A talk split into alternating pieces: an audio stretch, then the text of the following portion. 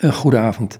Voor deze uitzending van In Gesprek met ben ik aangeschoven of zit ik bij Stefan de Jong in Oud-Mirdum in Friesland. En er ligt een boek voor me, Een kleine geschiedenis van het wonder. Een uitgave van uitgeverij Scandalon in Middelburg. Voor deze aflevering van Emma's Gangers ben ik op bezoek bij Stefan de Jong in Oud-Mirdum in Friesland. En mm, ik ben op bezoek bij Stefan de Jong. Dit boek, hè, een klein kleine geschiedenis van het wonder. Ik heb het helemaal gelezen. Er staat aan het begin, is het een kleine, een kleine geschiedenis van het wonder. En het begint bij de antieke oudheid, maar daar schrijf je de eerste zin staan. In wat voor wonderen geloofden mensen door de eeuwen heen? En hoe dachten denkers over die wonderen? Over die vragen gaat dit boek. En dan eindig je met: Het wonder is een voortdurend ons ontsnappende onmogelijkheid. En dan dacht ik: Ja, die laatste zin. Moeten we dit gesprek nog wel voeren eigenlijk? Nou, nee, eigenlijk niet. Dus, dus zullen we gewoon een kop koffie nemen dan? Ja, nee, maar eigenlijk is dat de, de, conclusie die waar ik toe gekomen ben... na al die uh, ja, toch wel jaren van studeren, nadenken over het wonder. En het wonder dat heeft me altijd erg uh, gefascineerd. Gewoon om het speelse van, van het wonder. Ik ben verhalenverteller en vertel graag verhalen met allerlei wonderen erin. Maar goed, als je er echt over gaat nadenken, dan ja, zeg je met je boerenverstand van jongens, ja, dat kan natuurlijk eigenlijk niet. Hè? Dus dat was ook een beetje mijn uh, uitgangspunt toen ik begon na, uh, na, te denken, meer filosofisch en theologisch over wonderen. Van ja, nee, dit, dit, misschien was het vroeger, werd het voor mogelijk gehouden, maar dat kan eigenlijk niet meer. Maar ik ben al studerend en nadenken toch tot de conclusie gekomen dat ja, dat wonder krijg je niet in de hand. Dat krijg je niet in de vingers. Er blijft altijd iets wat onzegbaar is. Er blijft altijd iets wat ontsnapt. Kijk, het wonder, hè, mijn nuchtere verstand zegt nog altijd het is onmogelijk. Maar dat onmogelijke, dat ontsnapt, voortdurend toch. En vandaar dat ik dus in mijn slotzin, en eigenlijk ben ik daar best wel heel tevreden mee met die, met die slotzin. Hè, maar het wonder is de ons voortdurend ontsnappende onmogelijkheid. Maar dan ben je in wezen ook bij de kern van het geloof, denk ik. Ik denk ook, nou ja, zeker dat dat, dat, dat, dat geloof uiteindelijk nooit met, met de reden helemaal uh, te beredeneren valt. Zoals Augustinus het ooit zei, hè, mensen die nadenken over geloof en proberen daar een systeem van te maken. Dat, dat zijn mensen die lijken op uh, iemand die met een schelp probeert om de oceaan leeg te scheppen. En, en er zijn trouwens meer uh, grote theologen hoor, die, die tot die conclusie gekomen zijn. Hè, Thomas van Aquino, hè, toch ook niet de minste, om het zo maar te zeggen. Een van de grootste theologen van de geschiedenis. Die uh, was met zijn Summa Theologica bezig. En die ja, was op een gegeven moment, liep hij vast en, en had hij het gevoel dat hij toch niet goed onder woorden kon brengen wat hij onder woorden wilde brengen. En wilde hij eigenlijk dus alles wat hij gedaan had, hè, wilde hij verbranden. Het is maar stro, zei hij. Het is maar stro waar, waar, waar, uiteindelijk hè, de echte werkelijkheid van God nooit mee kan worden gevat. Nou ja, en, dat is natuurlijk wel iets wat, uh, wat denk ik elke theoloog en elke schrijver over, uh, over God moet bedenken. Dat wij met ons uh, kilootje hersenen natuurlijk nooit het grote geheim van de werkelijkheid kunnen doorgronden. Is het dan zo dat we toch voortdurend die behoefte hebben om alles binnen ons eigen systeempje te passen? Ja, dat, ik denk dat het een hele diepe menselijke behoefte is om controle te hebben over dingen. Mm -hmm. We willen grip hebben en daarom willen we het begrijpen. Dat grip en begrijpen, dat, uh, dat, dat zit uh, in elkaar. En vandaar ook, en, en, en het is ook niet verkeerd natuurlijk, hè, om dingen te proberen te begrijpen en een beetje grip op te krijgen. Het is denk ik ook de intellectuele nieuwsgierigheid van mensen, hè, waardoor we dat voortdurend weer die aanloop nemen om tegen die muur hè, van de werkelijkheid op te klimmen. Uiteindelijk altijd zullen terugvallen, hè, want we kunnen er niet overheen klimmen en het allemaal overzien. Maar het zit diep in mensen. En ja, eerlijk gezegd, ook, uh, Jezus zegt toch ook zelf: hè, God liefhebben met onder andere heel je verstand. Hè, ook heel je hart, maar ook heel je verstand.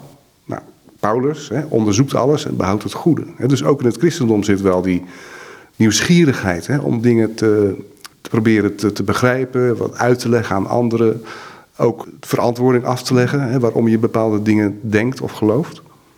Maar uiteindelijk denk ik dat iedereen zal moeten zeggen op een gegeven moment, net, net als Job hè, in, aan het eind van het boek, hè, die ook geprobeerd heeft om het onrecht, althans naar zijn beleving in, in zijn leven, te begrijpen. Dat hij op een gegeven moment moet zeggen, ik leg mijn hand op mijn mond en ik moet zwijgen voor het grote mysterie van God. Ja, dat heeft me altijd verbaasd in Job, hè, dat hij, hij kreeg op zijn vragen geen antwoord, maar hij kreeg God te zien. Tenminste, in de mate dat hij dat kon. Ja, ik denk dat wat er gebeurd is aan het eind, hè, als, God dan begint te spreken. Dan spreekt hij over de schepping. Hè. Job, was jij erbij toen ik alles schiep? En dan gaat hij al die elementen van de schepping eh, noemen waar wij ja, eigenlijk, wat, wat kunnen wij ervan begrijpen? Hè? Dat staat dan niet in het boek Job, hè, maar wat ik zelf, waar ik zelf van onder de indruk ben, is dat je hier in, in Friesland heb je een vlinder, de Atalanta.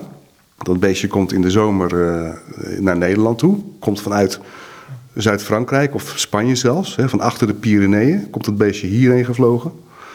Nou, hij zal hier waarschijnlijk paren, of, of, ik weet niet precies, want ik ben geen, ik ben geen vlinderoloog. Maar in ieder geval, dat beestje dat, dat is een tijdje hier en gaat dan weer terug weer naar, over de Pyreneeën. En dan denk ik, hoe is het in vredesnaam mogelijk dat A, zo'n klein wapperbeestje, hè, want dat is het toch een vlinder. Eh, eh, met, je hoeft er maar te blazen en het beestje is weg. Maar hoe, hoe, hoe krijgt hij het voor elkaar om die hele afstand te overbruggen? En hoe kan er in dat kleine koppie, hè, wat kleiner is dan een pitje, hoe, hoe weet hij de weg? Nou, dat zijn ongelooflijke mysteries. Hè? En daar zullen biologen allemaal verstandige dingen over kunnen zeggen. Maar uiteindelijk denk ik dan toch dat dat, dat zo tot stand gekomen is en dat het bestaat. Dat is een mysterie. Dat is maar één, voorbeeldje. Hè? Maar als je dat, dat, dat, dat gaat bedenken, dan kun je alleen maar met stomheid geslagen zijn. Is dat een beetje het probleem? Ik ga nu naar een zijstraat van deze tijd. Dat um, je kunt iets ontdekken, iets, iets begrijpen en denk je, oké, nou weet ik het. Of je kunt in verwondering blijven. Beide, denk ik. Je kunt natuurlijk een aantal dingen best eh, begrijpen. Zeker eh, als het gaat om de meer eenvoudige dingen, of de eenvoudige lagen van de werkelijkheid. Is het materiële. Daar hebben we natuurlijk heel veel dingen kunnen we begrijpen. We kunnen het in natuurwetten gooien. We hebben daar enorme successen mee uh, bereikt in, op het gebied van de techniek en de geneesmiddelen enzovoort. Maar als het gaat om een, een, een, hogere blik als het ware, als je dus op een hoger niveau gaat kijken, waarom is het allemaal gekomen? Waartoe is het allemaal, bestaat het allemaal? Hè? Dus dan ga je wat eigenlijk vragen stellen die op een hoger niveau liggen. Ja, dan komt die verwondering om de hoek kijken. Dus ik, je moet uitkijken, vind ik. Hè? Dus dat verwondering en begrijpen uit, tegen elkaar uit te spelen. Je moet altijd proberen, eerst denk ik, gewoon dingen maar te begrijpen. Gewoon met je boerenverstand. Hè? Gewoon zoals wij eh, zijn. En dat, doen we altijd, ook in je werk enzovoort. En niet te snel verwondering roepen, hè? want dat is makkelijk. Nou, eerst maar eens gewoon ons best doen om dingen echt werkelijk te begrijpen. Maar dan op een gegeven moment, als je door gaat denken, en dus gaat nadenken over die grotere vragen. Waarom bestaat het? Waartoe bestaat het? Waar komt het vandaan? Ja, dan kom je steeds meer in de richting toch van het niet weten. En dan komt de verwondering om de hoek kijken. Maar niet te snel, hè? Niet te snel. Eerst even op je tenen staan. Dat uh, wil ik ook voor mijn kinderen. Die moeten zorgen dat ze een uh, diploma's halen en dat ze dus uh, goede opleiding hebben. Daarna mogen ze zeggen van, maar er is meer in de wereld. Het wonder, wat is een wonder? Nou ja, de, ons altijd ontsnappende onmogelijkheid. Ja, dat heb je al gezegd, maar ik ga even naar het boekje toe nu. Dan moet ik het zo zeggen. Um, hoe heeft het zich ontwikkeld door de tijd heen? Nee, maar de grap is, er is, er is, er is haast geen definitie van te geven. He, want als het gaat om uh, een wonder, he, dan, dan, dan gaat het eigenlijk om iets wat, plat gezegd, ja, onmogelijk is en toch gebeurt. Maar als het echt gebeurt, is het dus toch mogelijk. Dus dan zit je al met een soort paradox. Dus van hoe beschrijf je dat? En als je het hebt over een wonder, dan komt daar vaak een hogere macht, of God uh, wordt daarbij te sprake gebracht. Een, een act of God, dat dat, dat, dat, dat uh, gebeurt. Maar het probleem is nooit zullen wij kunnen aanwijzen, aanwijzen dat God dat gedaan heeft. Dat valt nooit. Je, je kunt niet God betrappen. En zijn hand kunnen wij niet zien. Dus ook daar is het heel onmogelijk om precies te zeggen wat, wat, wat dan, waar dat wonder dan uit bestaat. Dus vandaar dat ik ook in mijn boekje zeg dat het, als je na gaat denken over het wonder, dan is het een glibberding waar geen strakke definitie van te geven is. Dus ik hou het op een hele globale definitie, een soort werkdefinitie eigenlijk. Van het wonder is eigenlijk een, hele bijzondere, niet vaak voorkomende gebeurtenis, waar mogelijk een, een andere macht achter zit. En veel verder komen we eigenlijk niet. Maar het boekje pretendeert een kleine geschiedenis van het wonder te zijn. Dus eh, hoe nemen we door die geschiedenis eens mee? Dan kom ik dan wel met de vragen. Ja, nou ja, eigenlijk zijn wonderen van alle tijden. Althans, zo, zolang wij verhalen op schrift hebben, uh, vanuit de oude oudheid, maar ook uh, vanuit het oude Mesopotamië, het oude Egypte enzovoort, daar komen al wonderverhalen in voor. Ik begin in mijn boekje bij de klassieke oudheid, omdat daar, daarin in die context is het christendom ontstaan en ik focus mij op het christendom.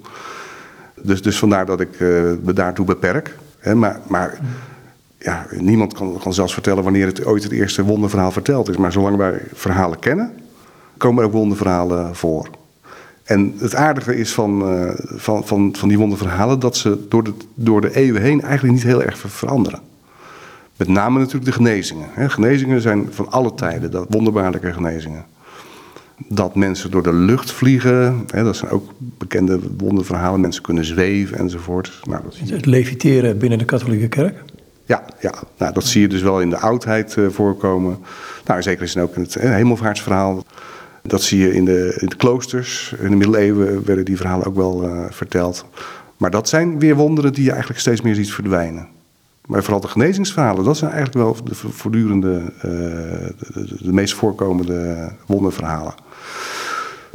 Wat je wel ziet de laatste decennia, is dat steeds meer dingen een wonder worden genoemd. Een soort inflatie zou je kunnen zeggen van het wonderbegrip.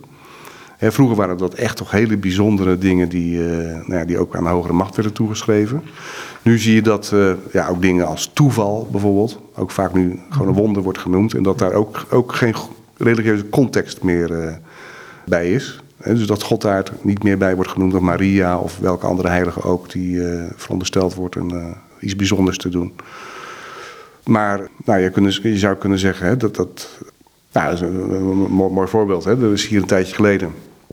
eh, in, deze, in een van de dorpen hier waar ik dominee ben. Heeft een, eh, een vrouw haar trouwring na 30 jaar teruggevonden. Die heeft ze waarschijnlijk ooit, als het proberen terug te redeneren, op, op de boerderij verloren. Dat is daar in een mestput terechtgekomen. Die mest is uitgereden over het land.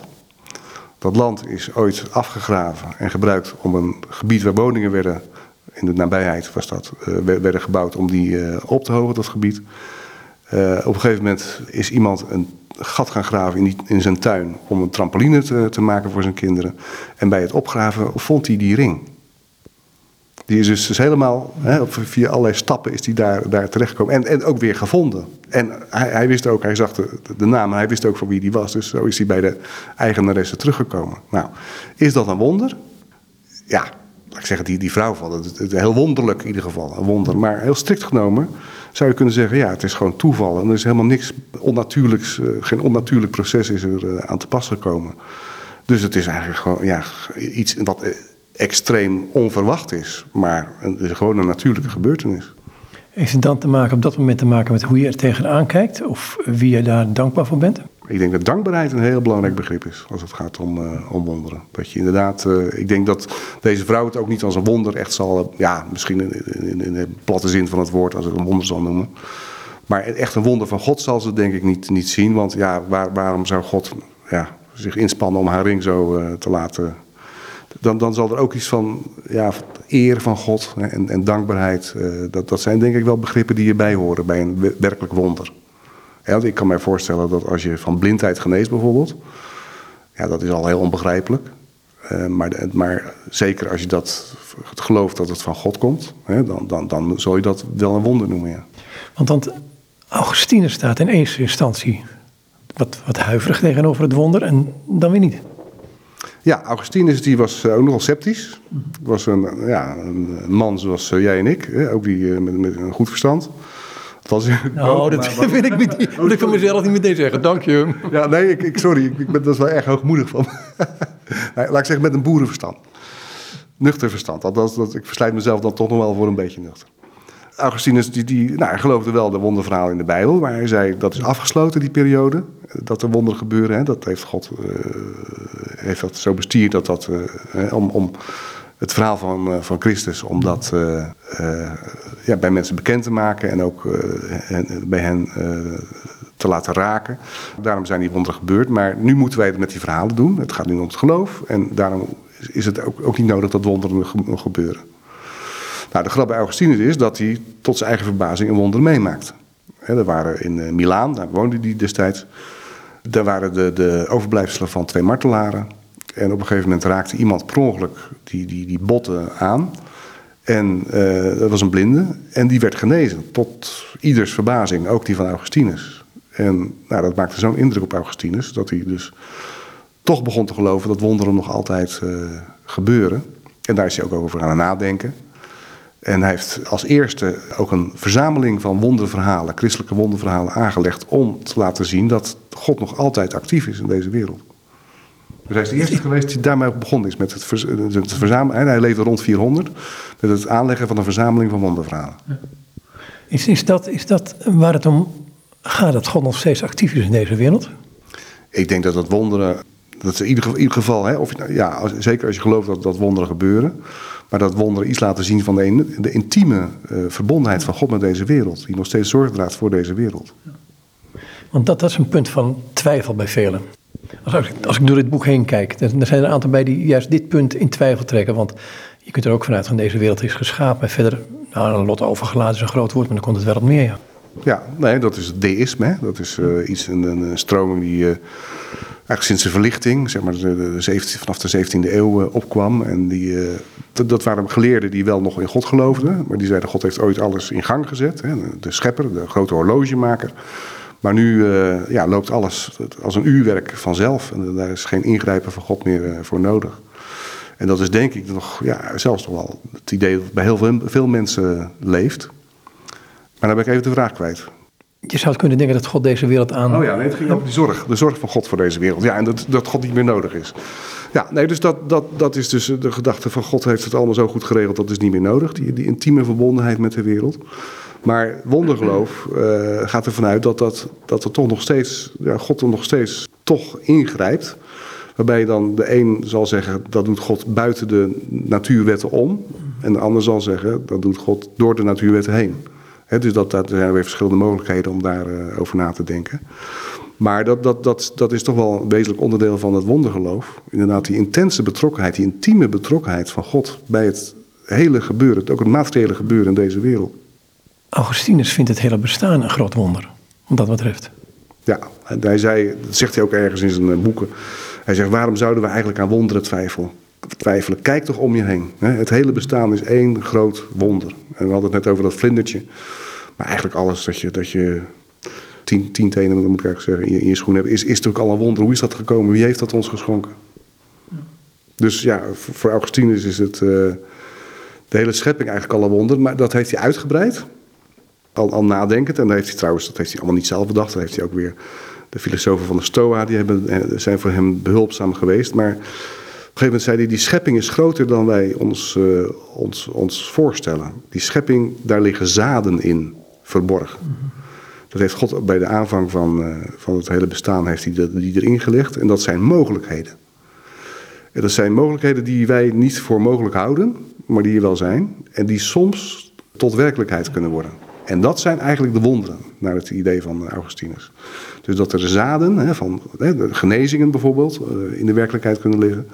Die liggen daar te wachten in de aarde als het ware. Die liggen te wachten in de schepping, totdat ze tot ontplooiing komen. En die kunnen op een bepaald moment tot ontplooiing komen. En dat kan doordat God beslist dat dat, dat, dat zaad moet ontkiemen. Het kan ook zijn door een gebed van iemand. Nou ja, dat kan, kan dus heel verschillend zijn. Als je het woord gebed noemt, of door het gebed van iemand, dan raakt het alweer aan, is God bestuurbaar? Nou, dat zou ik niet voor mijn rekening willen zeggen. Eh, nemen. Laat ik zeggen, het is niet mijn, mijn, mijn beeld van God. Maar je zou ook wel kunnen zeggen, als God intiem betrokken is op deze werkelijkheid. dan zou hij wel eens eh, kunnen reageren op datgene wat wij vragen.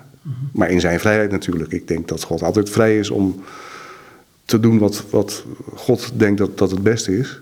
Waar natuurlijk voor ons een probleem ligt. Want wij willen graag alles begrijpen, zoals nou ja, daar hadden we het begin al over.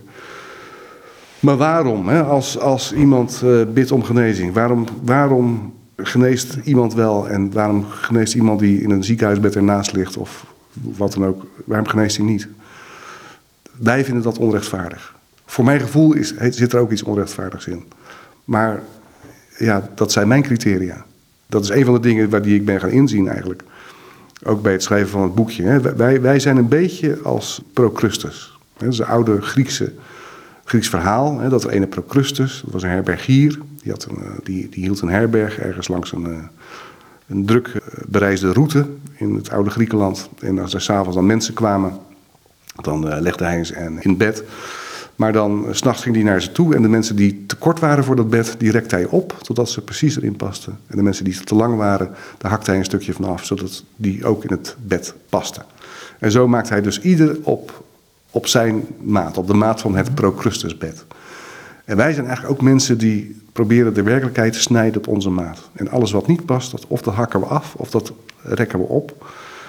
Maar we accepteren niet dat de werkelijkheid nou eenmaal anders is dan onze maten en onze maatstaven. Dus Dus wij moeten denk ik ook, ook durven accepteren dat God misschien andere maatstaven erop nahoudt als het gaat om rechtvaardigheid dan, dan wij zelf hebben. Dan zit er een ander aspect aan wat je dan noemt. Um, in komt er uitvoerig heb je een, een, ontzettend mooi voorbeeld wat er in het Vaticaan gebeurd is door een wetenschapster, dacht ik. Die een onderzoek moest doen naar hè, wat er in het verleden gebeurd is. Dan gaat het over ziekte, maar gaat het ook over lijden gaat dan? Duffin heet ze mee. Ja, Jacqueline Duffin, Amerikaanse uh, hematologe.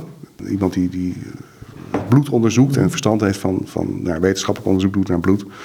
En die kreeg dus een uh, bloed toegestuurd van iemand. En uh, nou, die had eerst leukemie. En een ander bloedmonster, wat van latere tijd bleek die leukemie ineens helemaal te verdwenen te zijn. Nou, dat, dat is dus haar. Uh, dat heeft haar belangstelling gewekt. Hoe, hoe kan dat? Toen bleek dat, dat, dat, dat, dat hoorde, dat wist zij niet trouwens. Maar bij een onderzoek naar de heiligeverklaring van iemand. Die, diegene die genezen was, die was dat, dat door een, een heilige, ik weet niet eens welke dat was. En dat, dat heeft haar belangstelling gewekt. En toen is ze onderzoek gaan doen in de archieven van het Vaticaan. Hè. Dus zij is arts, een wetenschapper. Maar om te kijken wat, wat die archieven van het Vaticaan laten zien over al die genezingsverhalen. En dan heeft ze de archieven vanaf, ik geloof de 15e eeuw of zoiets, 16e eeuw. Tot nu heeft ze, heeft ze onderzocht, althans totdat ze de, laatste, van de laatste decennia zijn ze niet openbaar, die archieven, maar dus tot, tot 50 jaar geleden of zo. Die heeft ze onderzocht en daarin, uh, ja, eh, een van de conclusies is dat er eigenlijk best goed gedocumenteerde genezingsverhalen zijn, hè, waar artsen bij betrokken waren en andere deskundigen. Je ziet wel ook wat variatie. Hè? Met name de, de, de, er zijn zelfs aantal verhalen van mensen die opstonden uit de dood. Nou, dat, dat komt steeds minder voor. Nou, waarom, dat kan, kan ze ook niet verklaren. Misschien zegt ze omdat vroeger, als mensen in coma lagen, dat het, niet, uh, dat het als dood werd, werd ervaren. En wij zijn in de medische wetenschap verder gekomen om het vast te stellen of iemand echt of, of niet dood is. Maar dat zou erachter kunnen zitten. Maar een van de dingen die, die haar opvalt is niet zozeer alle verscheidenheid in al die verhalen, maar meer de eenheid in al die wonderverhalen. En dat, gaat, dat zijn dus meestal genezingsverhalen. Enkele keer ook wel andere, maar meestal genezingsverhalen. En dan zegt ze ook, ja, en, en, maar dat is natuurlijk ook een van de grote problemen van de mensheid, het lijden. En daar, daar, dat is van alle eeuwen. En vandaar ook dat als het gaat om wonderen en genezingen, ja, dat, dat maakt de, de meeste indruk op mensen, omdat, het, omdat wij mensen zijn. Die weten wat lijden is. Dat kom je ook in de eeuwen daarna tegen, zelfs in deze tijd. Waar, dat kom je tegen? Die, die, die, in de eeuwen daarna kom je er tegen. Ja, niet van haar eeuwen daarna, maar ik bedoel in, in de, na, de, na de middeleeuwen, die tijd. Eh, de verlichting, uh, ook in de tijd daarna, maar zelfs in deze tijd kom je genezingen tegen. Ja, nou dat is dus de grap. Dat ondanks dus dat uh, met name de theologen en filosofen steeds meer zijn gaan ontkennen dat wonderen uh, mogelijk zijn. Althans de verlichte filosofen en theologen. Dat wonderverhalen gewoon doorgaan ik zou niet in, qua kwantiteit eh, kunnen zeggen dat, dat, dat ze meer of minder worden. Maar wonderverhalen gaan gewoon door. En zeker, laat ik zeggen, de, de, ja, eigenlijk in katholieke en protestantse kring. Je hebt binnen de katholieke kerk Lourdes, dat is natuurlijk een mooi voorbeeld van hoe mensen toch altijd weer naar Lourdes trekken. En soms gebeuren daar dingen die wij ook niet kunnen begrijpen. Maar uh, nou ja, het Vaticaan, er zijn nog steeds heilige verklaringen. Er zijn zelfs, de heilige verklaringen in de katholieke kerk zijn de laatste jaren zelfs toegenomen. En vooral de laatste drie pausen hebben daar uh, bij, aan, aan, bijgedragen. En zelfs aan paus Johannes Paulus II, daar worden zelfs, zelfs nu wonderen aan, uh, aan, aan, aan toegeschreven.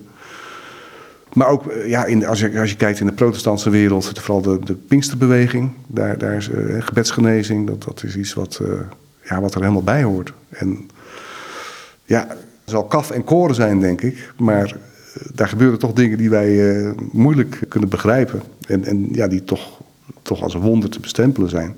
En een van de voorbeelden die ik noem, dat is uh, Heime Stoffels. Dat is een uh, emeritus uh, godsdienstsocioloog aan de Vrije Universiteit.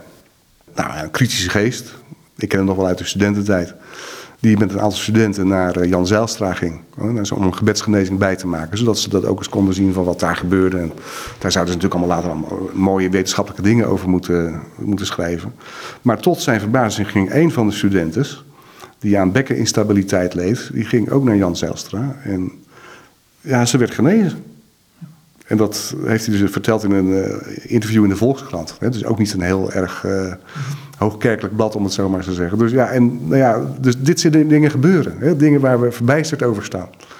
Ik ook. Maar En, en je kunt ook niet zeggen dat, dat al die mensen dat maar lopen te fantaseren en, en, en, en dat het onbetrouwbare mensen zijn. Er, zijn. er zijn mensen die dit soort dingen rapporteren, die, die gewoon betrouwbaar zijn. En, en, en helemaal niet van, van plan zijn om via leugen en bedrog uh, het geloof te willen bewijzen of iets dergelijks. Maar die, het overkomt ze gewoon.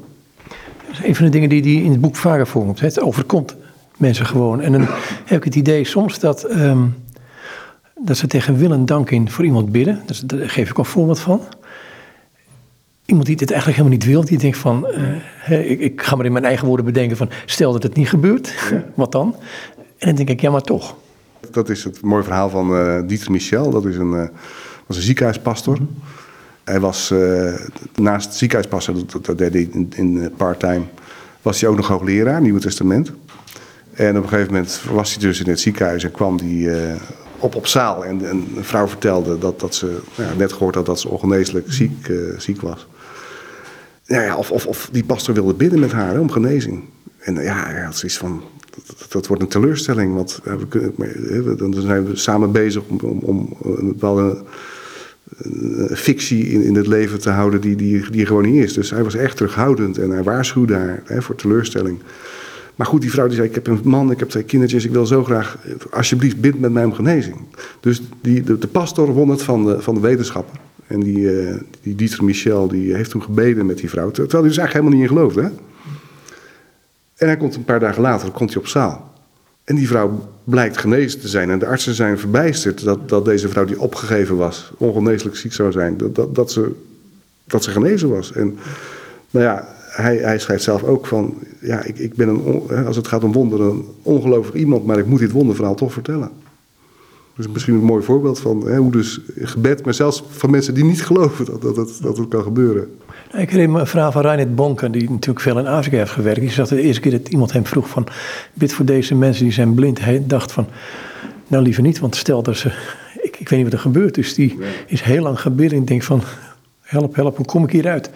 En tot zijn stomme verbazing genas God die mensen. En dat, dat stelt je natuurlijk ook perplex in die zin van, je bidt wel, maar uiteindelijk is God die het, degene die het doet. Ja, dat geldt ook voor mensen die dus genezen terwijl ze zelf niet geloven. Hè? Uh, er staat in het boek staat een verhaal van, van een Rachel. Die, die uh, is dus, ja, door, werd door vriendinnen meegenomen naar een uh, gebedsgenezing. En, maar ze geloofde er zelf niks van. Mm. Maar hij dacht, nou ja, baat er niet, dan schaadt er niet. En nou ja, de eerste dienst waar ze was, daar gebeurde ook niks. Maar de tweede dienst waar ze was, ja, ineens zag ze letterlijk het licht dat, dat gebeurde. En ik, ik heb zelf een jaar in Chili gewerkt. En ik heb daar veel te maken gehad, uh, ook met, uh, met name in de, in de, in de sloppenwijken, met uh, kleine kerkjes. Dat, dat daar mensen die, die, die kwamen dan bij. Nou, in ik kan me nog het verhaal herinneren van een, een, vrouw. Ik vroeg haar, hoe ben je nou bij de kerk gekomen? Ze zei, ja, vroeger geloofde ik helemaal niet. Maar ik, ik ben ja, bij de kerk gekomen, want ik was ziek op een gegeven moment. En mensen hebben voor mij gebeden. En ik, ja, ik, ik, ik had er niks mee, ik geloofde er niks van. Maar ik, ik ben genezen. En daardoor is bij mij alles anders geworden in mijn leven. Dus ook een voorbeeld weer van een vrouw die, die zelf totaal niet geloofde, in, in, in, in, eigenlijk niet eens religieus was. Niet geloofde in wonderen en het overkwam haar. Zeg het maar. Is het nou dat in, in, in derde wereldlanden, want dat hoor je ook wel eens, um, dat er meer genezingen zijn, omdat er minder voorhanden is uh, qua ziekenhuis en dat soort dingen meer, uh, dan bijvoorbeeld hier in de westerse wereld, waar, waar mensen vrij sceptisch zijn over het algemeen? Nou, of, of het daarom is, weet ik niet. Maar ik weet wel dat mensen gewoon gedwongen zijn om, om meer tot het geloof en, en, het, en ook mhm. ja, de, de, hulp van God eh, een toevlucht te zoeken, omdat ze geen andere dingen hebben. He, dus in, in, Chili, daar is een uitstekende geneeskunde. He, wat dat betreft echt, doet niet onder voor de Nederlandse. Alleen het punt is dat arme mensen hebben niet het geld om naar een dokter te gaan of geneesmiddelen te kopen. Dus er zijn twee alternatieven. Dat is of natuurgeneeswijze. Mensen weten heel veel van kruiden af. En uh, nou, kan je op straat kan je allemaal geneeskrachtige kruiden kopen. Hè, gewoon oude, volkswijsheid zou ik maar zeggen. En soms helpt het nog ook. Of ja, je toevlucht nemen tot God. Dus ik denk dat dat, dat veel meer gebeurt dan hier. Wij, wij, als wij ziek zijn, zullen wij direct naar, naar de dokter stappen. Maar in die landen is dat niet altijd een optie. En dan zal het dus vaker voorkomen dat uiteindelijk mensen dan toch maar hun uh, toevlucht zoeken bij God of in de kerk. Vind je er ook, um, die hele geestelijke wereld, dat komt weer wat in zwang in het Westen, om zo te zeggen. Er is een tijd tegenaan gekeken als we bijgeloof. Hè. Als je iemand uit Nigeria had of iemand uit Afrika, die had het over demonen en dat soort dingen. Dan werd er gezegd, nou, het bijgeloof. Nou, ik denk eigenlijk daar hetzelfde over als bij wonderen. Nee, ik, ik leef er niet mee hè, met, met geest of, of met. En, en ik, ik begrijp er ook helemaal geen moer van hè, dat dat zou kunnen. Maar aan de andere kant, ik kom mensen tegen, ook bij mij in de gemeente, die zeggen dat ze iemand hebben gezien of dat ze een engel hebben gezien. En dat zijn echt niet de eenvoudigste mensen hoor. Dat zijn echt ook, ook zeer ontwikkelde mensen die met deze verhalen komen. En ja, ik zal de laatste zijn hè, om te zeggen dat het, dat het leugen is. Hè, dat zijn vaak heel diep ingrijpende ervaringen van die mensen. Trouwens, ze zijn ook vaak heel terughoudend in het vertellen uh, daarover. Omdat ze natuurlijk ook wel begrijpen dat heel veel mensen dat raar zullen vinden. Of, of ze denken dat je een beetje gewieberd bent. En het zijn vaak ook hele intieme momenten, belangrijke momenten, die je ook niet zomaar op straat wil hebben. Maar het gebeurt dus wel. Althans, dat mensen dat, dat, dat, meemaken. En ik, ik, ik, dan denk ik ook, wie, wie, wie ben ik om dan te ontkennen dat het waar is? Ook al heb ik persoonlijk zelf die ervaring niet. Maar ja, waar, waar, ik zit even te denken, een mooi voorbeeld, mijn zus. Nou, die vertrouw ik. Dat is een, eh, die woont in Noorwegen. Dat is gewoon een normale, normale tante. En op een gegeven moment uh, stierf er een oom van mij in het ziekenhuis in Gorkum. En mijn ouders belden daar op in Noorwegen om te vertellen dat oom dood was, die oom. En voordat ze dat vertelden, zei mijn zus, oom, oom Gijs is zeker dood, hè? Nou ja, mijn ouders, hoe weet je dat? Nou ja, ze zegt, ik heb hem vanochtend gezien, hij was hier. Nou, kijk, dit, is, dit vertelt iemand die die ik helemaal vertrouw. Die, die, dat is geen gekke, geen gekke dame, mijn zus. Die is heel, heel normaal. En die heeft het meegemaakt. Nou, ik kan het niet verklaren, maar het gebeurt kennelijk wel. Je haalt in dit boek, in een van de laatste hoofdstukken, ook een, een Nigeriaans uh, theoloog aan. Ja, Ifani Menkiti, als ik het goed zeg. Maar Ja, ik, ik, kon de naam, ik, de naam was wat lastig. Ja. Ja, nou ja, dat, dat, is ook dat is in een boek. Eh, ik ben hem tegengekomen in een boek van Angela Roodhaan. En die heeft ook een boek over geesten geschreven. En die haalt de visie van die Menkiti aan. En die vond ik eigenlijk ook heel toepasbaar op, uh, op wonderen. Maar die Menkiti die zegt eigenlijk. Het wetenschappelijke denken, dat is prima, een mooie vorm van denken. Maar dat is niet de enige vorm van denken. En het benaderen van de werkelijkheid. Er bestaan ook andere dingen, hè, zoals intuïtie. Of de kennis van een vakman die, die veel meer van de materie weet dan, dan, dan een materiaalprofessor of een materiaaldeskundige uit Delft of zo. Maar die, die weet op een andere manier kent hij de materie. De liefde is natuurlijk ook een uh, hele aparte kenbron. Hè? Een, een, een, een, moeder weet van een kind al of het ziek is of niet. Hè? Terwijl er nog helemaal geen diagnose gesteld is of iets dergelijks. Nou, zo zijn er dus heel veel manieren om de werkelijkheid te benaderen. En de wetenschappelijk is er maar één van. Hè, en dan zeker een hele waardevolle, maar er zijn er veel meer. En eigenlijk zegt Menkiti, in een dorp hè, waar verschillende mensen bij elkaar wonen, zijn er verschillende invalshoeken. Wij moeten eigenlijk, als het gaat om het bekijken van de werkelijkheid, toe naar het dorpsdenken. Dat wil zeggen dat we de meerdere invalshoeken uh, recht doen en niet er één verabsoluteren. En dan blijkt dus dat er meer waargenomen wordt en misschien ook meer waar kan zijn dan alleen maar de rationalistische, moderne westerse blik. Wat is nou rationalistisch, denk ik? Wat rationalistisch is? Dat is, uh, denk ik, eigenlijk alleen. Nou, het is misschien wel mooi, ik heb één jaar ooit medicijnen gestudeerd.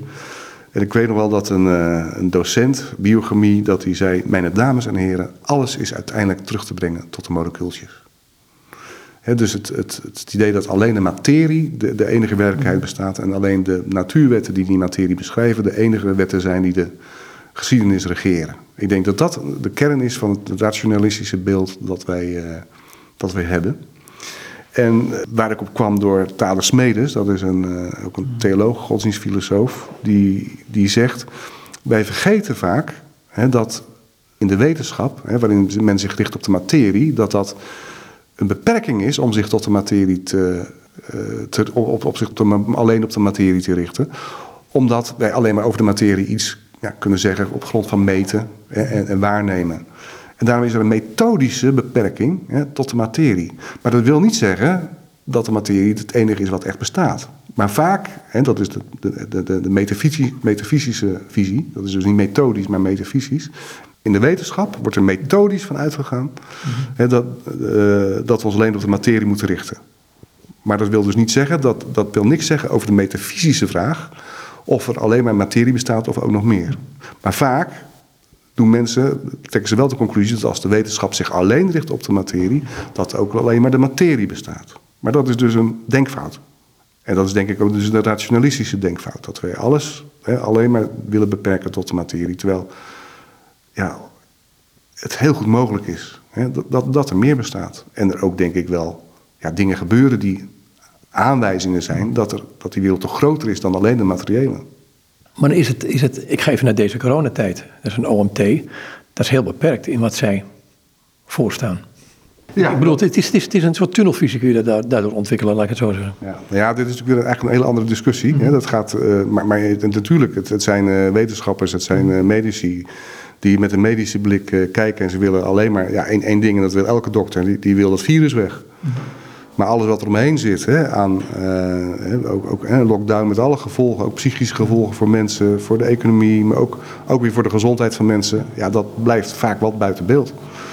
Maar ik, even tussen haken, dit zeg ik nu, maar ik wil niet bij de complotdenkers worden gerekend of wat dan ook. Want ik denk dat de mensen die dit, in de overheid, het OMT enzovoorts, met de beste wil en ook met alle, alle goede bedoelingen uh, besluiten nemen. Ja, het ging me niet om die goede bedoeling, maar om de beperktheid van wat je net aangaf. Dat je een, maar heel eenzijdig naar dingen kunt kijken. Ja, maar Dus, dus dan, dan, gaat het, misschien moet ik een andere vraag stellen, moet ik nou zeggen, gaat het dan om geneeskunde of gaat het om medicijnen? Ja, nee, dat is mooi. Geneeskunst zou nog mooier zijn eigenlijk. Hè?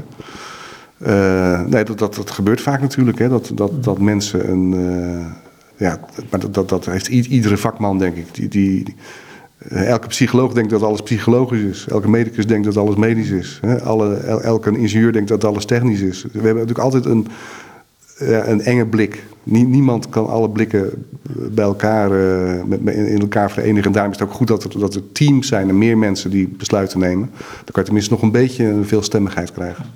Ik ga weer terug naar gewoon dit, dit boekje. Um, er staat onder andere zo'n zinnetje in. En ik kan er wel meer uit plukken hoor. Ik pak gewoon maar wat. Um, gaat over uh, Peacock. En, en, dan zeg je op een gegeven moment staat er zoiets van... Um, hoe intelligent zijn gedachte-experiment ook is... al te letterlijk moet, je het niet worden, moet het niet worden genomen. En dan ga je verder en dan gaat het me eigenlijk om... als je de transcendente God in een model probeert te vangen... vliegt hij weg of hij lacht je uit. Dan krijg je nog veel mooiere uitdrukking. Ja, ja. ja Peacock die, dat is wel een interessante man. Die is een... Uh, een biochemicus, ook nog een Amerikaans priester. Dus hij is en wetenschapper en, en theoloog. En die heeft uh, geprobeerd ja, om, iets van de, het handelen van God denkbaar te maken. En hij zegt dan eigenlijk, je moet eigenlijk God je voorstellen als het alomvattende systeem wat heel deze werkelijkheid omgeeft. En hij zegt wat, wat vaak over het hoofd wordt gezien is dat, dat hè, wij denken vaak dat een systeem wordt bepaald door de onderdelen. Maar de wetenschap laat ook zien dat het systeem ook weer de onderdelen op zijn beurt bepaalt. dus het is altijd een wisselwerking. En hij zegt, het grote systeem kan dus ook invloed hebben op de onderdelen van het systeem. En God is het grote systeem. En God kan dus op een of andere manier, kan die, kan die dus alles wat onderdeel, wat onder hem valt, zou je kunnen zeggen, kan die, kan die beïnvloeden. Nou, het is een enorme grootse visie natuurlijk. Hè? En ik vind het ook, uh, ik ben zelf een beta, ik ben zelf uh, natuur- en scheikunde, waren echt mijn vakken. Dus ik vind het echt heel mooi hoe, hoe hij dat dan probeert uh, te vatten. Hè? De gods, gods werkzaamheid in deze wereld. Maar het is ook maar een model, natuurlijk. En, en als je gaat vragen, maar hoe moet ik nou God als het omvattende systeem me voorstellen? Ik vind het haast een beetje oneerbiedig zelfs, om God als een systeem uh, te zien. En, en, waar zit dan het raakpunt tussen dat omvattende systeem en de materie? Hè? Tussen, tussen het menselijk lichaam bijvoorbeeld, hè, waar dingen in kunnen gebeuren. Of nou ja, een van de voorbeelden die hij noemt is bij de doortocht door de Schelfzee, hè, hoe het water hoe het water zakt, of, of in ieder geval dat er een pad ontstond in de, in de zee. Nou, hij, noemt dat, hè, God, kan dus de meteorologische onderdelen van de schepping zo beïnvloeden. Hè, als het, meteorologisch systeem hè, kan hij beïnvloeden. Ja, waar zit dan het raakpunt tussen God als alomvattend systeem en het meteorologische systeem? Ja, dat, dat zijn aannames die hij doet. En ik, nogmaals, het is heel interessant en ik vind het gedurfd. Maar uiteindelijk roept zo, zoiets evenveel vragen op als het probeert op te lossen. Toont het ook onze beperktheid aan? Nou, zeker. En nogmaals, dan kom ik weer dus terug bij Augustinus. Wij zijn mensen die met een schelpje proberen die enorme oceaan van de werkelijkheid leeg te scheppen. wij, wij, zijn mensen die met het dat kilootje hersengelei, daar proberen we de kosmos mee te vatten. Nou Joop, dat gaat ons nooit lukken. Toch heb ik het idee dat af en toe het besef aanwezig is dat ons, ons dat wel lukt. Want haha, we hebben weer een nieuwe, nieuw zwart gat ontdekt. Haha, we weten nu hoe het heelal een beetje in elkaar zit, zeg ik dan. Ja, maar hij zou eigenlijk kunnen zeggen, we kunnen de, de horizon wat verbreden. En binnen die horizon kunnen we dingen meer ontdekken. Maar ik wil ook weer zeggen dat die horizon, die, die verlegt zich. Daarachter is weer een grotere horizon, waar, waar we weer niks van weten. We kunnen dan misschien zien dat er meer zwarte gaten zijn. Hè? En, en, en we kunnen ze zelfs fotograferen uh, tegenwoordig. Maar dan nog, waar, waar ze vandaan komen en, en, en, en wat erachter weer, weer, weer zich uitstrekt. wat, wat is er achter de grenzen van de ruimte? ze zeggen dat de ruimte begrensd is. Maar wat is achter die ruimte? Ja, daar kunnen we geen zinnig woord over zeggen. Dus de, de, de horizon blijft altijd. Kom je dan met, ook in conflict met wat ook in het boek van naar voren komt? Uh, begrip als tijd en ruimte. Waar God zich in of buiten zou bevinden? Nou ja, tijd en ruimte zijn eigenlijk, ja, dat noemt Kant, hè, de categorieën waarmee, waarmee wij denken. Dus dat zijn, zijn onze instrumenten, zou ik maar zeggen. Of wat zijn ja, de, de kaders waar, waarin wij onze, onze waarnemingen uh, onderbrengen, zou je kunnen zeggen. En dat zijn weer menselijke kaders, dus tijd en ruimte. Dat zijn menselijke begrippen. En ja, ik kan mij niet voorstellen dat, dat, dat, dat God daaraan gebonden is. Ik, kan, ik denk dat God, nou ja, dus God is uh, werkelijkheid geworden, mens geworden in Jezus, in een kribbe, heel, heel klein. Ik kan me dus wel voorstellen dat, dat God zich ook uit in, in, in vormen van ruimte en tijd. Hè, die menselijke, hele menselijke begrippen eigenlijk. Maar hij gaat natuurlijk bovenuit, zoals God ook boven die kribben uitgaat. Goed, dat, dat, hè, ik citeer uit je boek hoor, in deze context nu inmiddels. Um, dus wonderen verstoren ons bekende wereldbeeld. Maar dat, dat is dus de grap, vind ik, van wonderen. Dat ze dus inderdaad ze morrelen aan, aan, aan, aan onze systemen en ons wereldbeeld. Hè. En als wij denken dat we alles begrijpen, dan, dan laat een wonder. Hè. Dat is dus in feite, dat, dat breekt in in onze werkelijkheid. Hè. Dat, het is iets wat wij niet kunnen vatten, niet kunnen plaatsen. En dat zet dus vraagtekens bij onze systemen. En dat geldt natuurlijk ook voor onze theologische systemen. Hè. Wij zeggen God is groot. Hè. Nou, geloof ik ook. Maar dat hij zo klein kan worden dat hij in een kribbel ligt, ja, dat past eigenlijk niet in ons systeem. En dat blijft, nog, dat, dat, dat blijft denk ik nog steeds een soort aanstoot voor ons denken. Het blijft apart, hè? want, want um, ik kom er weer terug wat we eerder al hebben gezegd, eh, of ik je eerder al zei van, en in het boekje noem je het anders, zeg je, um, er heerst, zeker bij verstandige mensen, en wie beschouwt zich niet als zodanig, nou ja, wij zijn verstandig, zeggen we dan, zelfvoldaanheid over, ja, zelfvoldaanheid over het kennen en beheersen van de wereld. Is het niet voortdurend die, die autonomie die naar voren komt, die beheersbaarheid, het willen beheersen? Wat, wat is het toch, dat ongeneeslijk in ons? Ja, nou hadden we het net eigenlijk al over. Hè. Dat, het zit, zit, heel diep in mensen. Hè. Toch, dat, dat, ik denk dat het uiteindelijk toch te maken heeft met controle. En, en als je nog, nog dieper erachter gaat nadenken over gaan nadenken, dan heeft het misschien met angst te maken. Wij willen niet leven in een onoverzichtelijke wereld. Wij willen een overzichtelijke wereld die een thuis is, waarin we alle hoeken en gaten kennen en, en daar ook, ook uh, daar wat mee kunnen doen enzovoorts. Mhm. Maar we zullen denk ik voortdurend toch ook moeten ervaren dat, dat die wereld geheimzinniger is en anders. En dat wij dus ook, ook althans, als, als het gaat althans over wat, wat wij kunnen zien, minder geborgen zijn dan wij denken. Nee, goed, en dan zou je kunnen zeggen, dan is het maar goed dat er een andere geborgenheid is, namelijk onder de vleugels van eh, de Allerhoogste.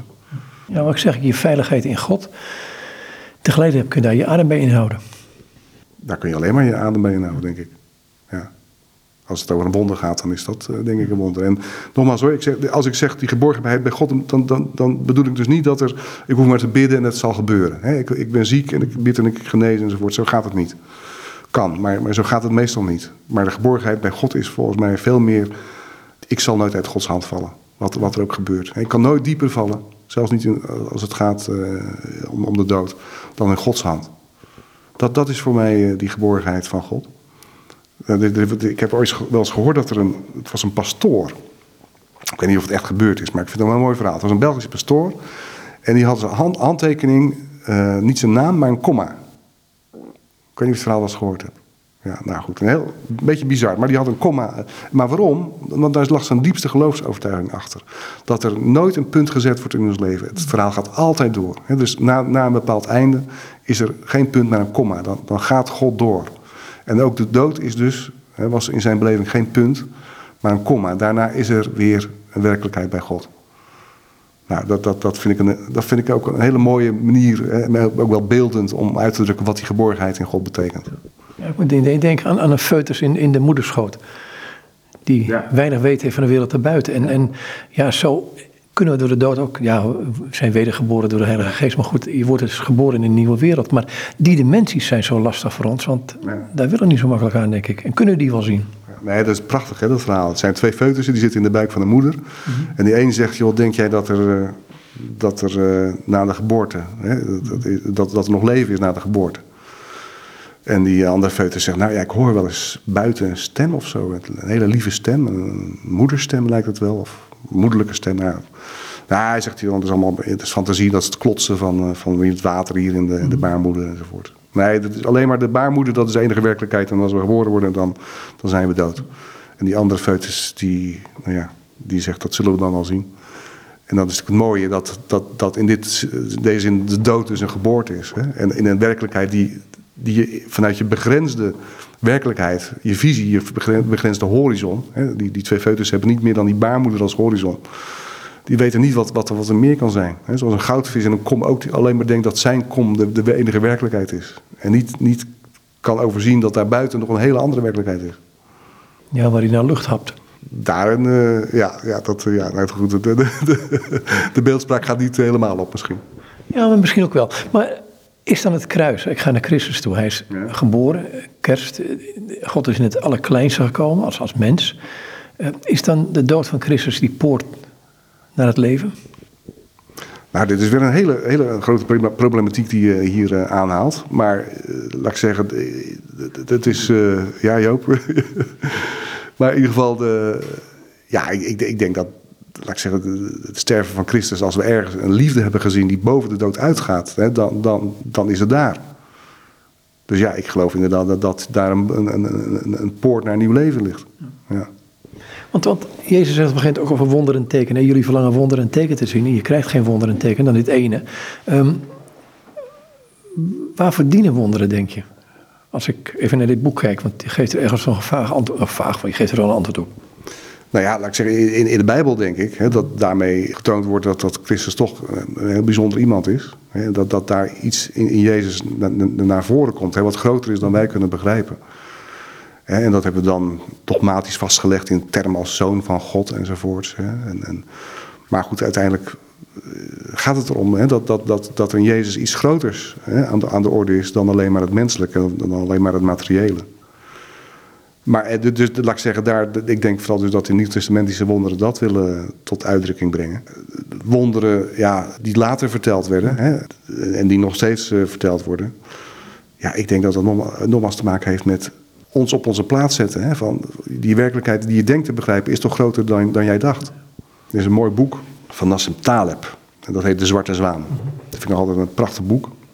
De man is eh, wetenschapper, maar ook eh, hij is beurs. eh, hij heeft, gehandeld op de beurs. Dus iemand die ook met heel veel met, met onzekerheid te maken heeft. En het boek gaat ook over onzekerheid, die Zwarte Zwaan. En de Zwarte Zwaan is, is een voor, voor hem een voorbeeld. Hè, want duizenden jaren lang heeft men in Europa gedacht dat er geen zwarte zwanen bestaan. In de oudheid, dus, eh, alle, alle, alle zwanen zijn wit. Tot, tot en met de middeleeuwen hebben we altijd gedacht dat zwanen zijn wit. En toen werd Australië ontdekt. En wat bleken daar rond te zwemmen? Zwarte zwanen. Nou, het blijkt dus dat die werkelijkheid toch weer groter was en anders dan wij dachten. Nou, eigenlijk willen wonderverhalen ons daarop wijzen eigenlijk. Eigenlijk zijn het zwarte zwanen die ons op onze plaats zetten. En onze prachtige systemen willen relativeren. Tegelijkertijd staat daarin niet geloof en weten tegenover elkaar, maar het lijkt elkaar wel aan te vullen. Geloof overstijgt het weten, denk ik. Ik denk dat je als gelovige moet je zeker moet je weten en geloven niet, niet, niet tegenover elkaar zetten. Want ze hebben elkaar nodig. En ook als gelovige heb je heel veel natuurlijk aan, aan denken, weten, dingen onderzoeken enzovoort. Maar ik denk dat het, het, het echte weten weet dat het ook al dat het maar een beperkt weten is. En in het geloof kijk je verder dan die horizon van het weten. Geloof eh, durft het ook aan om, om iets te zeggen over wat er achter die horizon ligt. Ja, als ik dit boekje bekijk, om daarmee te, te eindigen, dan gaat het daarover. Hè? Dat, dat, je, je, houdt een aantal dingen tegen het licht. eh, door de eeuwen heen, wat er in de theologie is gebeurd, in de wetenschap. Eh, je komt dan tot een opmerkelijke uitspraak, die ik misschien nog een keer kan citeren. Ehm, het wonder is een voortdurend ons ontsnappende onmogelijkheid. Maar tegelijkertijd hou je een aantal dingen tegen het licht van... hé, hey, denk er maar eens over na. En wees er niet bang voor. Nou, wees er zeker niet bang voor. Het is, ja, ik, ik, nogmaals, ik vind wonderen juist fascinerend. Het is, eh, En ook de manier waarop je ze weg kunt redeneren. Ik, ik denk dat het echt kritisch denken is. Hè. Kijk, ik, ik ben zelf ehm, een gelovige jongen. Hè? Maar, maar, maar ook, ik vind, je moet, je moet je denken niet stopzetten. Je mag ook over het geloven nadenken. Maar bij dat denken hoort ook altijd hè, dat je weet dat het, hè, dat bij, bij, of bij kritisch zijn, je moet ook kritisch zijn op het kritisch zijn. Je moet ook altijd durven, je moet eigenlijk jezelf durven relativeren. En, en dat wil inderdaad zeggen, ja, dat, ja, dat, dat is, is dus ook het loslaten van controle. Het is ook overgave. Maar ja, dan is het mooi dat je geloof hebt. Dat dan, weet je niet, dan weet je in ieder geval wie je overgeeft. Ja, nou, dat, dat is vertrouwen. Ja. ja, en dat, vind ik, dat, dat is uiteindelijk... Uh, weten is belangrijk, maar vertrouwen nog belangrijker, zou ik zeggen. Ja. Waarom heb je dit boek geschreven eigenlijk? Omdat ik wonderen zo leuk vind. Ik vertel dat ik ben verhalenverteller. En ik vertel dus heel veel uh, ook, ja, verhalen, ook Ierse volksverhalen. En daar gebeuren allerlei wonderen in. En als ik die vertel, vinden mensen dat mooi, prachtig. En niemand zit, zit moeilijk te doen over, is nou wel of niet gebeurd. Terwijl als het gaat over, over de Bijbel en over geloof, dan is het wel gelijk de vraag. Hè? Maar wel of niet gebeurd. En eigenlijk wil ik, nou in ieder geval dat is mijn fascinatie, is, is van, laten we nou gewoon weer eens wonderen in hun waarde laten. En, en zien wat ze doen. Namelijk nou, bijvoorbeeld het openbreken van, van onze werkelijkheid. Van ons werkelijkheidsbegrip. Als ik jij de naam Smijtergeld noem. Ja, Bernard Smijtergeld. Dat is een, is een mooi verhaal. Uh, doet over hem de ronde. Hij is trouwens een, een man van aanzien binnen de reformatorische kringen. Die uh, predikant destijds in Middelburg. En er gaat een heel bijzonder verhaal over hem de ronde. Namelijk dat hij op een avond had hij bezig was een preek te maken. Over, het boek, of een verhaal uit het boek Daniel over de mannen die in de vurige oven stonden. En waar op, hè, op een gegeven moment uh, een engel bij stond, die hem kennelijk beschermde. Nou, hij moest daar een preek over maken. En op, terwijl hij bezig was, werd hij gebeld. Of beter gezegd, er was toen nog geen telefoon, maar hij werd door, door eh, de huishoudster werd, hij, uh, werd, er, werd er geklopt en gezegd dat er iemand op sterven lag en of hij daarheen wilde gaan. En Smijtergeld is s s'avonds laat is hij, naar dat adres gegaan. En onderweg zag hij twee mannen bij, op een brug staan. Nou, hij wist niet wat, wat dat voor, uh, mannen waren. Uh, maar goed, uh, hij ging door. Hij, hij, kwam op het adres en daar was, bleek niemand te zijn die op sterf lag. Dat was een raar verhaal dus. Maar goed, hij is naar huis gegaan. En twee jaar later werd hij weer opgeroepen om naar het huis van een stervende te gaan. Dat was precies hetzelfde adres als die twee jaar daarvoor. En daar lag iemand inderdaad op sterven en die wilde hem vertellen dat hij uh, nou een grote fout had begaan in zijn leven. Hij had namelijk die dominee Smijtergeld willen vermoorden. En twee jaar daarvoor had hij daarom hem eh, s'nachts uh, laten komen met de bedoeling om hem te doden. Maar toen hij hem uh, de, de zag, s'nachts ergens op straat, stonden daar twee mannen, twee engelen die hem beschermden. En had hij dus, was hij dus niet tot zijn moord overgegaan. Nou, dat, dat is dus een, een, een mooi reformatorisch wonderverhaal over die Bernardus Smijtergeld. En, en ja, die toch iets laat zien van, van de werkelijkheid van geestelijke aanwezigheden zoals engelen kom nog één naam te binnen het boekje, de Papen. Oh ja, Nathanael de, de Pape. Dat was een, uh, een predikant, die leefde ergens in de 17e eeuw. En dat was een, uh, een man, nou ja, die, uh, die was dominee geworden, maar een beetje, beetje vlak voor zijn eigen gevoel eigenlijk. En op een gegeven moment werd hij ziek. En toen heeft hij gebeden om, om genezing. En ja, tot zijn verwondering werd hij genezen, maar niet alleen qua lichaam, maar ook qua ziel. Hij besefte ineens dat hij helemaal afhankelijk was van Gods genade eigenlijk. Nou goed, hij heeft met nieuwe elan zijn predikantschap op zich genomen. Maar daarna verwiel hij toch weer een beetje in ja, de oude vlakheid, zou ik maar zeggen. Werd weer ziek. Hij heeft weer gebeden tot God. En weer was God genadig. En ja, toen begreep hij dat hij helemaal fout geweest was. En eigenlijk is zijn verhaal dus eigenlijk een verhaal van, van niet alleen het wonder van de fysieke genezing, maar ook van de genezing van zijn ziel. En hij, uit dankbaarheid heeft hij ook een, een boek geschreven, een boekje over uh, wat hem overkomen is en over, uh, over dat wonder. En het is een van de voorbeelden van. Hè, wat, vaak wordt gedacht dat uh, na de Reformatie dat de wonderen op hun retour waren. En dat in de reformatorische kerken eigenlijk weinig aandacht meer voor wonderen was. Maar hij, ik laat zien dat, dat, dat hij een voorbeeld is van hoe dat nog wel degelijk een rol speelde binnen de reformatorische kerken je haalt er ook in het boekje, dat vond ik ook wel aardig, um, mensen aan als Kant en een Kierkegaard. En Kierkegaard zeker. Interessant figuur. Ja, nou die had dus weinig met uh, materiële wonderen. Wat dat betreft was hij ook een kind van de verlichting. Dus fysieke wonderen. Maar hij, hij, eh, voor hem was Jezus enorm belangrijk. Voor, voor hem was Jezus eh, de, de incarnatie van God. De enige houvast voor mensen. En hij zei, zonder dat we enige eh, rationele reden hebben... moeten we het aandurven om de sprong te wagen. Namelijk de paradox dat, dat God in Jezus hier dicht bij ons gekomen is, mens geworden is. En dat daar ons, onze verlossing ligt, daar ons houvast ligt. Hij zegt, als dat gebeurt, als we die sprong kunnen maken, dan, dan is dat het wonder. Ben je weer terug bij Augustinus. Geloof is, noemde hij het grootste wonder. Ja, ook dat. Ja, geloof is uh, voor, voor, voor Augustinus uiteindelijk een genadegave. En je, kunt dus ook niemand verwijten dat, dat hij niet gelooft, zegt Augustinus. Want uiteindelijk is het een, een gave van, uh, van God. En een wonder. En dat is ook wat Boelman onder andere zegt.